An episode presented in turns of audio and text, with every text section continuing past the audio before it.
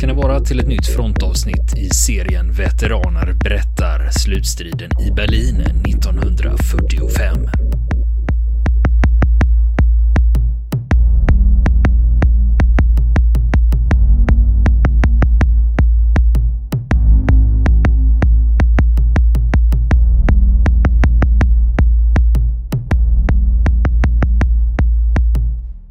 När det gäller det här avsnittet så vill vi passa på att varna för att eh, vissa saker som Joakim Martin berättar om som händer i slutstridens Berlin kan uppfattas som obehagliga av känsliga lyssnare. Så lyssna inte på det här med ungarna i närheten. Hittills har Joakim Martin berättat om livet i luftvärnstornet i Friedrichshain. När vi kommer in i berättelsen är ryssarna så nära luftvärnstornet att det slutat komma bombjakt eller attackflyg. Istället är det infanteri, stridsvagnar och artilleri som hotar. Och just artilleri var något som Joakim Martin hade problem med. Jag kunde aldrig vänja mig riktigt, vet du. När du låg i de här jävla husruinerna i skyttegraven upp på morgonen innan de skulle storma, då pepprade de mig med artilleri. Va?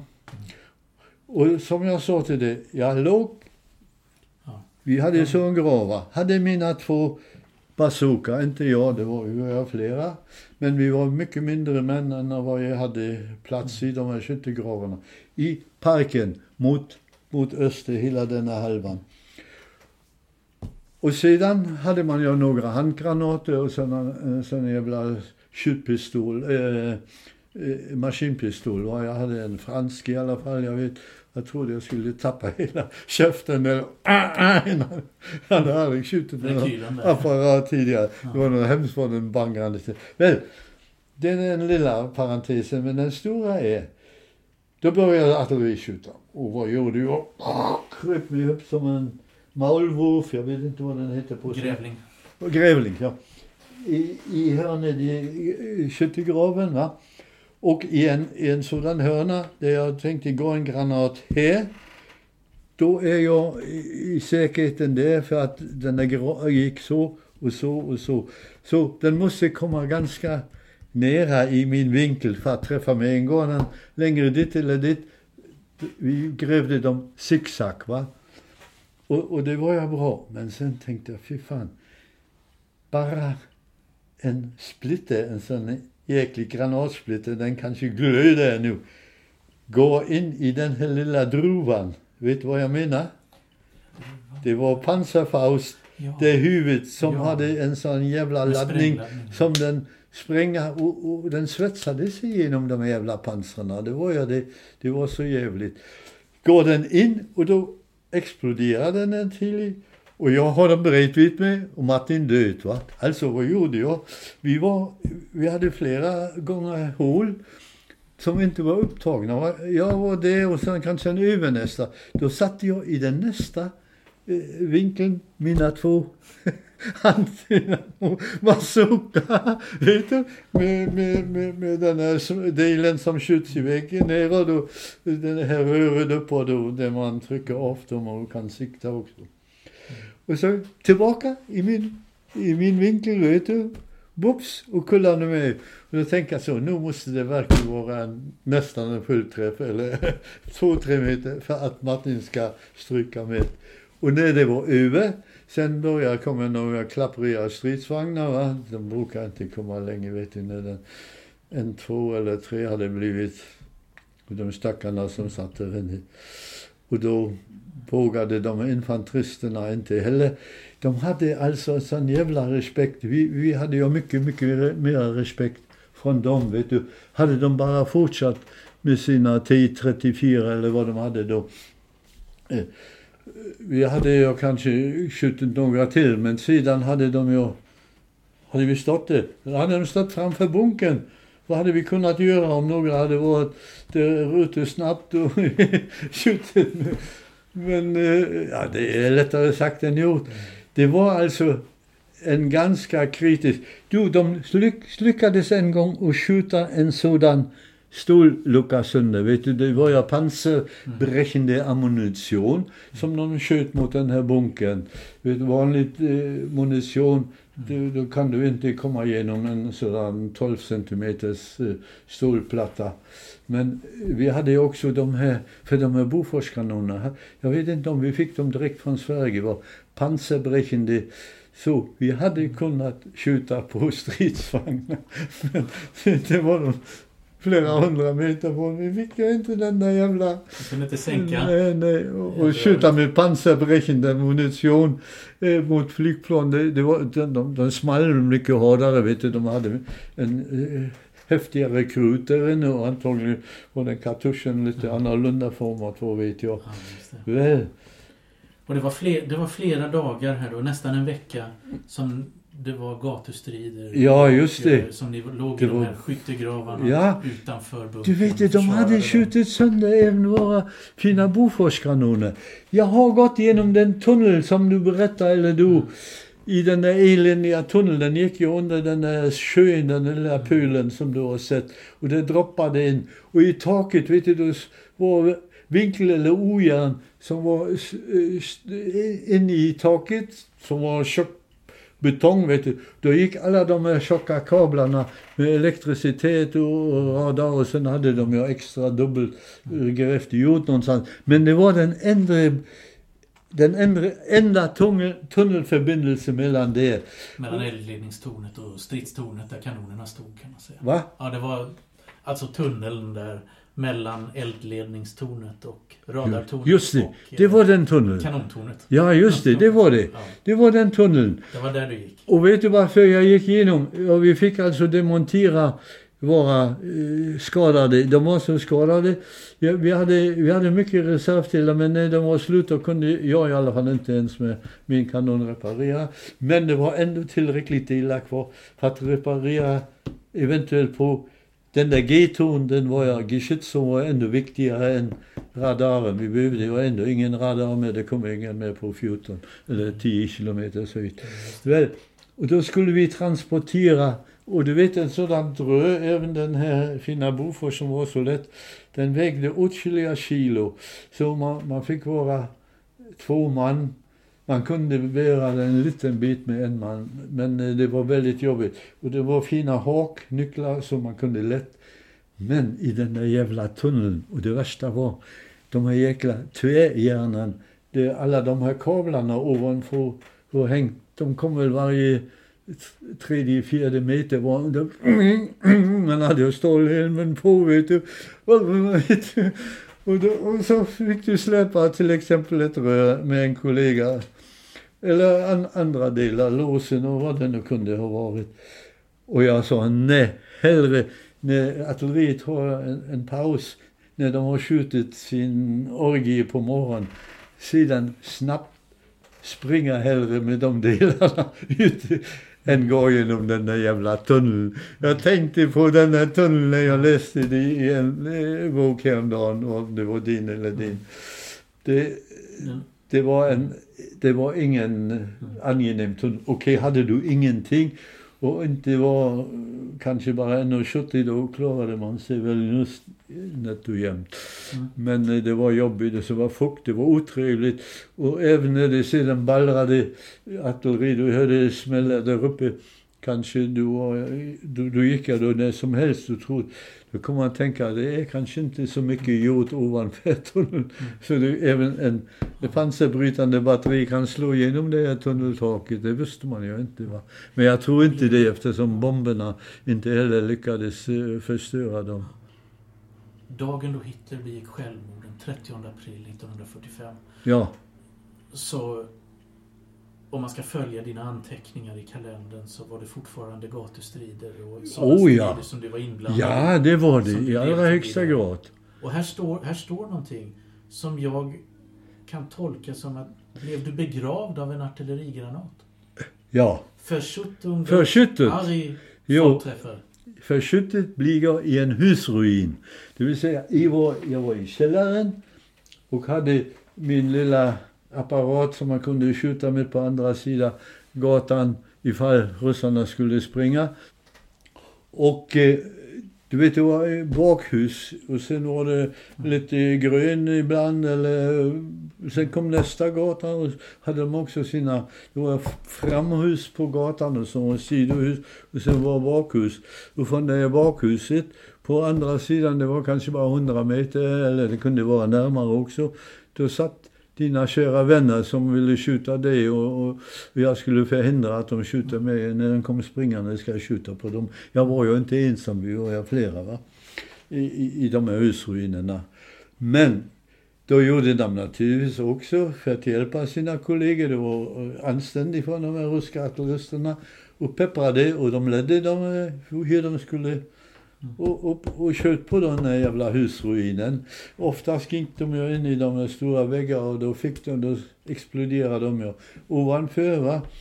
Men eh, när det var våning, de här källarvåningarna, i alla fall det man gick in och tittade man, var det riktiga stabila valv. Man, man försökte lita på dem, att de inte vid första lilla ramlade ihop. Men den gick alldeles utanför den här husväggen, vet du, bom, här utanför det är min eh, fina gröna eh, buskis då. Och det var en av sådan kaliber som den här eh, källarmuren, whoops, jag var på andra sidan. Innan jag, det går så snabbt var det helt, och då smäller det. Det är när den går nog, då kan jag räkna ut nästan eh, ljudet hur snabbt den går va när du kan räkna till tre, då är det redan ganska bra. Då behöver det inte vara så mycket rätt om, om du inte kan börja räkna. I alla fall fick jag skiten över mig. Men jag hade ju bara, eh, det fanns ju olika utrymmen i de här källorna. Oftast var det ju så att det var mellanväggar då. På den tiden i alla fall. Nu har vi bara en trådgalej. Eh, I alla fall här i Göteborg. Mm. Men eh, då, eh, det, det då märkte jag det till höger och vänster här. Herregud, det gick ju alldeles en träff och de klarade sig och de fick säkert en massa damm och skit över sig också. Men de fick i alla fall inte den där skit, putstegelmuren, vet du, mörtel och, och, tegel. Väl, det var inte sådana naturstenar. Men det var riktigt nära ögat där. Då, då var det nära va. Men de, de, de fick ju ut mig och det var jag Vet du, det var inte långt till bunkern. Det kanske var en, kanske en kilometer eller inte ens det. Till slut var de eh, nästan runt omkring. Det var ett elände. Och eh, det var säkert, på vissa, åt vissa håll var de längre bort. Men de reparerade mig, vet du. Jag blåsade ut min näsa, mun och kik. Och jag var lite grön och blå och fick någon plåster. Det, pang nästa, du vet, det var så många som inte hade armar och ben i det här fina lasarettet.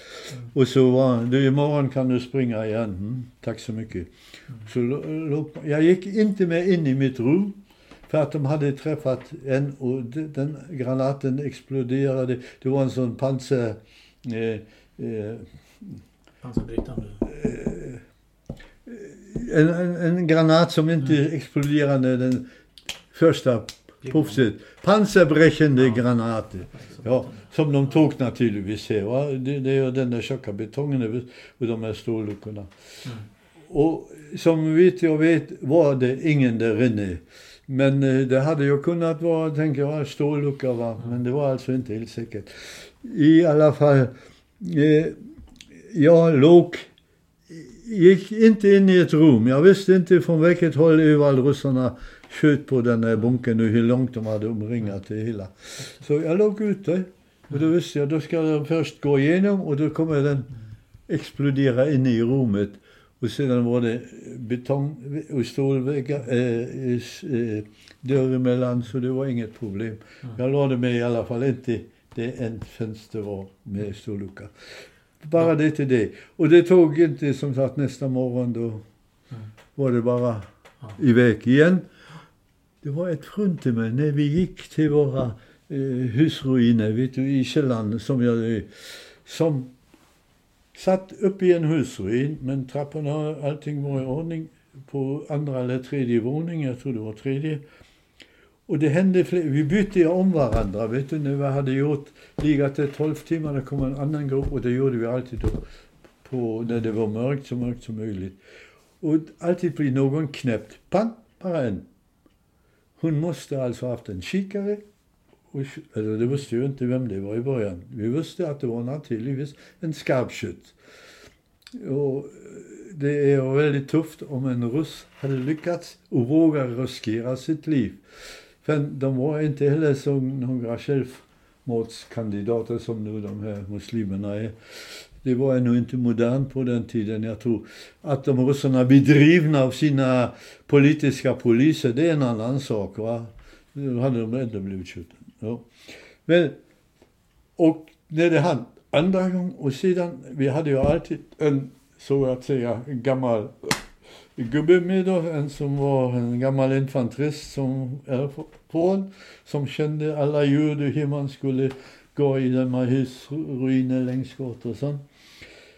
Och han, när det hade andra gången, då sa han, nu ska jag vara helt på min vakt. Och en eller två kan gå med. Vi var kanske en grupp på en tolv man som i ett hus skulle avlösa dem som mm. satt där. Och de spanade hela tiden. Och de visste jag på, det var alltid på ett, en viss gatan på en viss ställe. I, det, det var bara husruiner. Och då såg han vilket hus och i skottet mm. det blir ju alltid lite eld ut och kom ifrån.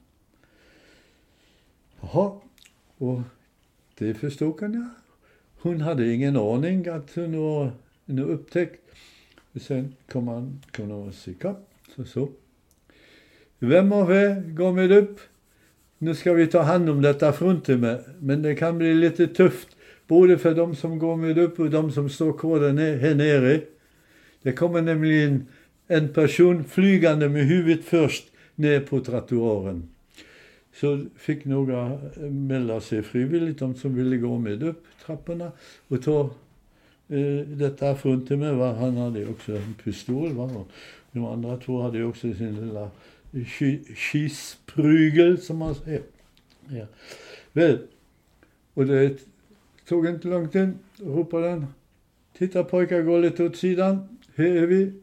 Nu kommer, nu kommer eh, den saken som vi har lovade kom de ut och hon skrek, en kvinnoröst. De höll en på varje sida på ett ben, huvudet för. Och så sa han, han som ledde det hela då, så släpp pojkar! Mm. Och så ramlade hon en bit ifrån med huvudet i trottoaren. Nåja, hon var död va, så det var ingen smärtfull död i alla fall. Fast de sista minuterna, de var nog inte roligt när man vet, nu är det slut. Men det hände alltså en endaste gång. Det var en väldigt häftigt dramatiskt. Och det var ju skönt det. Eftersom hade de inte upptäckt varje gång det blev en avlösning. Hon var jag så raffinerad för bara en va, i sänder. Så att man inte skulle, oj, här kom skottet ifrån. Nästa ser vi vad det är. Det är också en otrevlig sak. Dagen efter att Hitler är död och var första maj 1945. Och då, då skriver du här att... Det var intressant att, också. Eh, luftvärnstornet i Friedrichshain utryms. Just det. Och att ni gör ett genombrott ja. genom ryssarnas linjer. Ja, är vi skulle göra ett. Ja, och sen kommer helvetet. Precis. Och, det, och detta är norrut då? Just det. Schönhauser allé? Nord, nordväst. Ja, Schönhauser allé. Ja. Kulturbrauerei, det kommer nästa gång till Berlin, det är den ja. gamla stora Schulthausbrauerei. Mm. Jag tror de har källare minst tre våningar neråt. Ja. Varför? Jo, när du kommer med tunnelbana och kör in i, i eh, Schönhauser allé från Alexanderplatz det är också flera våningar tunnelbanan där och det är lite jobbigt att... Mm. Då får man fråga vilken gathöjdsaren har så allé ut, va, den där tunnelbanan. Och då åker du bara till Schulthausbrauerei, eller jag tror de kallar det Kulturbrauerei. Ja, ja. ja de gör inte bryggeri, det är en jätteanläggning. Och jag kom senare på den tillbaka. Och det kommer tunnelbanan precis ungefär framför Schulthausbrauerei. Det är en mm. ganska lång massa Gebäude säger man, byggnader. Då kommer den upp från underjorden, förbi jord och sen går den upp på viadukterna. Sen går den på viadukter. Mm. Och det är en väldigt intressant grej. Vi gjorde alltså, vi hade, vi hade alltså för det första en mycket human överste som var chef för de här bunkrarna. Han var en överste, var en ganska, kanske han var en indirekt chef för några andra bunkrar också möjligt. Men han var varan och han hade då, det fick vi först i sista moment reda på. Du vet, enligt Hitlers order skulle han ha direkt hängts upp på en tunnelingång, tunnelbanan, jag är en desertör. hade det varit massa SS-aktiva där, då hade de säkert mördat honom. Va? Även om de inte hade vågat eftersom vi var också många som hade försvarat honom. Det har varit en del sådana slagsmål mellan de SS-poliserna och eh, mellan de här vanliga soldaterna. I alla fall, då fick vi reda på, ta era vapen och allt vad ni har. Vi har en eller två sådana tigerpansar, du vet, de var retirerade. Det var Stora inte tigerstridsvagnar. Ja, Ja. det var inte bara det folket här. Under tiden har de många retirerat eller utskrivna från lasarettet. Så vi, vi var mycket, mycket mera folk nu. Vi var säkert, ja mer än tusen i alla fall. Och i trossen, alltså där bak, massvis med fruntimmer med sina ungar, vet du, barnvagnar. Det, det hade jag under tiden, det vet jag, hade jag började i Ostprost som ligger åtskilliga hundratals kilometer. Vet du bara till Warschau är det 500 från Berlin och dit till Königsberg ännu längre. De, man visste alltså besked, fruntimmer, de våldtar allt vad de kan komma åt. Och det var alltså massvis med fruntimmer. med, De som, eh, många hade också små med sina barnvagnar. Det var först en sån fin bild när de kom till bunkern, eh, henne, eh, någonstans. Och hängde också med, okej, det var självklart, alla, det var ingen som unnade inte någon att han ska rädda sig. Va? Så det var inte någon officer, rakt inte översten, han hade sagt, vem som vill av civilisterna, visst, de får gå med oss. Va? På egen risk. Mm. Vi vet inte om vi lyckas, men vi har spanat och vi har kommit fram till, vi får minst motstånd och de sa inte alls att vi hamnar i Schultersbrau. Ingenting. Det kunde så, det fanns så.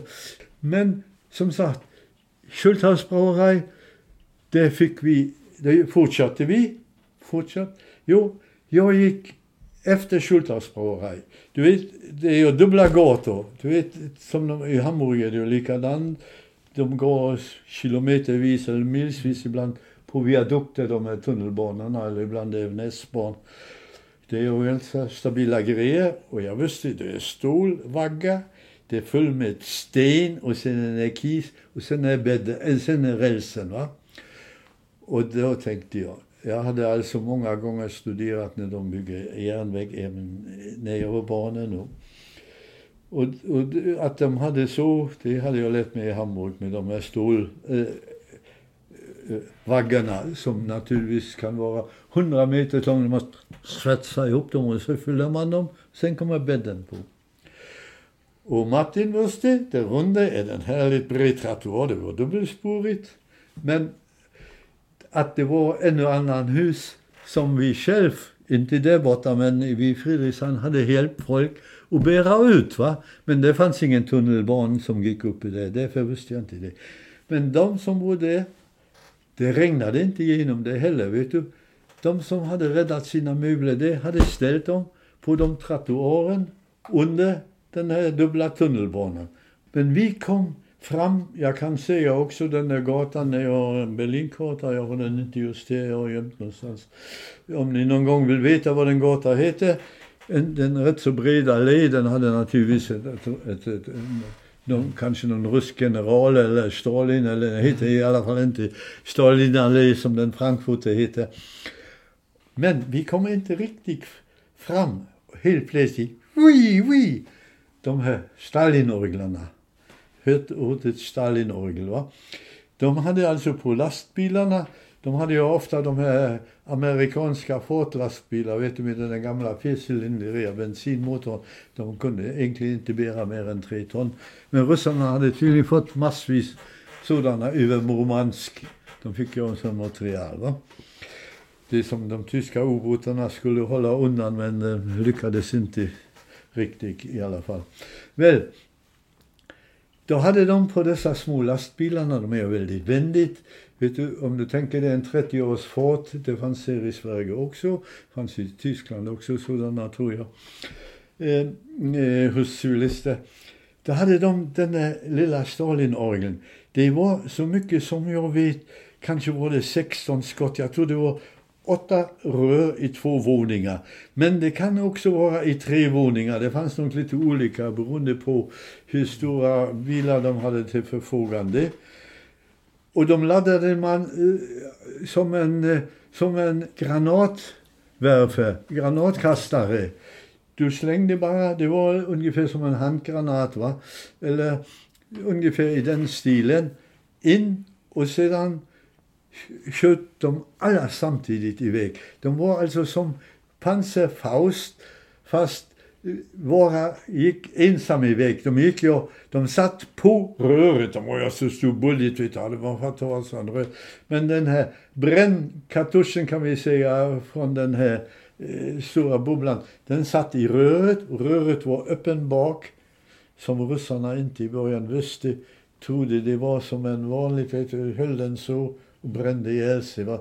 Det kom jag hela den där bränn som skickade iväg den här jävla eh, orgel, orgelbiten då, alltså granaten naturligtvis. Och du vet, då hade de kanske ställt upp två, tre, fyra eller fem sådana lastbilar. Och det var ett litet helvete. Men se där, Martin vår väl välskyddat. Och jag tänkte, jag kände ju till dem, hade jag eh, tidigare upplevt en skjut ibland, även på husen när de hade lyckats komma fram med sådana stall i Stalinorglar eller skyttegravn vid, vid bunkern. Men då gick det fy, fy! Och jag slängde mig ner, vet du, under, det var jag mul jag ramlade många gånger svår som en buskbondare, borstbindare. Men jag gick aldrig. Och de flesta var bekväma på gatan. Eller så långt trottoaren inte var full med ruinhögar. Och de var jag fullkomligt utsatt. På båda sidor om dessa, om dessa viadukter var det dubbelfiliga gator. Du kan ju se, kanske de har gjort som i Göteborg att de får bara cykla numera, som på Västra Hamngatan. Vi är väldigt duktiga här, va? uppfinningsrik, våra folk i, i rådhuset i alla fall. Väl, och, och du vet, det var bara skrik och det tog inte många minuter. Vet du, det var kanske, jag skulle tippa tre, fyra, fem lastbilar. Jag vet inte om de stod efter varandra. Men de stod på andra sidan den där breda gatan som nu... Eh, min karta är jag naturligtvis nere köpt. Det står säkert om de döpt om det någonting. Men det var ju DDR, vet du, och kanske DDR. Det spelar ingen roll. Det är en mycket liten parentes. Jag kröp fram när det var tyst. Och du vet, det första, eh, och några av dem som skrek det, eh, jag tog, jag, inte ensam, men en till sa kom, hjälp mig. Och bära in den stackaren in i hus, i det huset som jag delvis står sönder. Va? Men vi kunde gå in och ner i källaren. Och det, det var ju eh, vitsen med det hela. Man hade ju alltid ett öga, vad är det för byggnader när det smäller? Och en del Många hade ju hunnit klarat sig och hunnit in i de här ruinerna. Och alla blev ju inte träffat heller, men alldeles för många egentligen. Så det var nog vår sista stora, det var väldigt otrevligt. Ja. Väl, i alla fall, den stackaren, han, var, han skrek fruktansvärt. Och nere i källaren, det var vi ju säkra då. Man har ju alltid förbandsmaterial med sig. Man blödde här uppe, blödde var, mm, så skräckligt ut. Men vi var, jag, jag var ingen sanitet och som sagt jag var fortfarande inte äldre än 16. 16 och 4, nej 5-6 månader kanske nu. Jag hade varit lite ute nu. Väl, Och han skrek och vi hade ju lite, det såg fruktansvärt ut, lyckats binda och vi hade ju flera förbandslöjor. Två, tre gubbar under tiden, det kom flera in. Och han skrek, skjut mig, skjut mig! Alltså, det var något fruktansvärt. Jag, det var inte en kille, även av de äldre, som kunde ta sin jävla skjutgrej och skjuta den där stackaren. Va? Och jag definitivt inte. Jag, jag var inte van vid sånt. Skjuta någon sådär utan vidare. Det enda, eh, ja den där stackars killen, det kan jag inte tala om för han, han skrek sig till döden va. Jo. Och vad hände så småningom? De eh, källarhålorna, de som några av oss hade det nog säkert, det kom fler och mera folk. Och eh, den där, trots hela den där tåget, det var, vi var säkert mer än tusen soldater. Och där framme de här stridsvagnar. Vet du, de, de visste inte heller var de hade gömt sig med sina jävla... De sköt naturligtvis också lite över på andra sidan. Eh, de klarade sig naturligtvis. Och de här flyktingar, de här fruntimmer, jag såg inte med många. De gick tillbaka in i sidogatan, kanske det är nog hans hus som var hel eller källa. Jag vet inte hur det gick med de stackarna. Det var säkert några hundra i alla fall, och så de barnen då. Men i den här källaren lärde jag känna en en, en, en gubbe, en gammal gubbe, han var nog 22-23 år. Han hade varit med i Stalingrad och överlevt. Han hade också haft någon ordonnans kommit ut. Och sedan, tänkte den där jäveln, han hade varit på kriget från början. Va? Och fortfarande levde då efter tre, fyra år i, i Ryssland. Han hade varit något lättskadad. Han hade också legat på lasarettet och sen hade han det sista var hamnat i, i Berlin. Och som en infanterist och som sagt det kom många som retirerade så hade han hamnat vid bunken och var med i våran eh, grej som marscherade ut. Vi var alltså inte bara den där besättningen som då bestod av, av tyskar och, och en del ryssar som jag sa. Som, de var ju livrädda, de stackarna vet du, det var synd om dem. Mer än de var, det var om mig själv tyckte jag i alla fall. Men då eh, eh, vi kom i, i samtal till slut. Den där stackaren hade jag dött va. Och vi hade burit dem i en källare, eh, mindre källare och täckt över honom och sagt de som eventuellt ska vara kvar. Han är död, han har fått mycket stora skador i magen så han var absolut eh, det Du vet, därför skrek han så. Magskott är det värsta man kan tydligen. Jag har tyvärr inte fått ett skott i magen. Men, så det var leksak i förhållande till magskott i alla fall. Jo, då blev vi bekant. Och var var killen ifrån? Aus Bayern.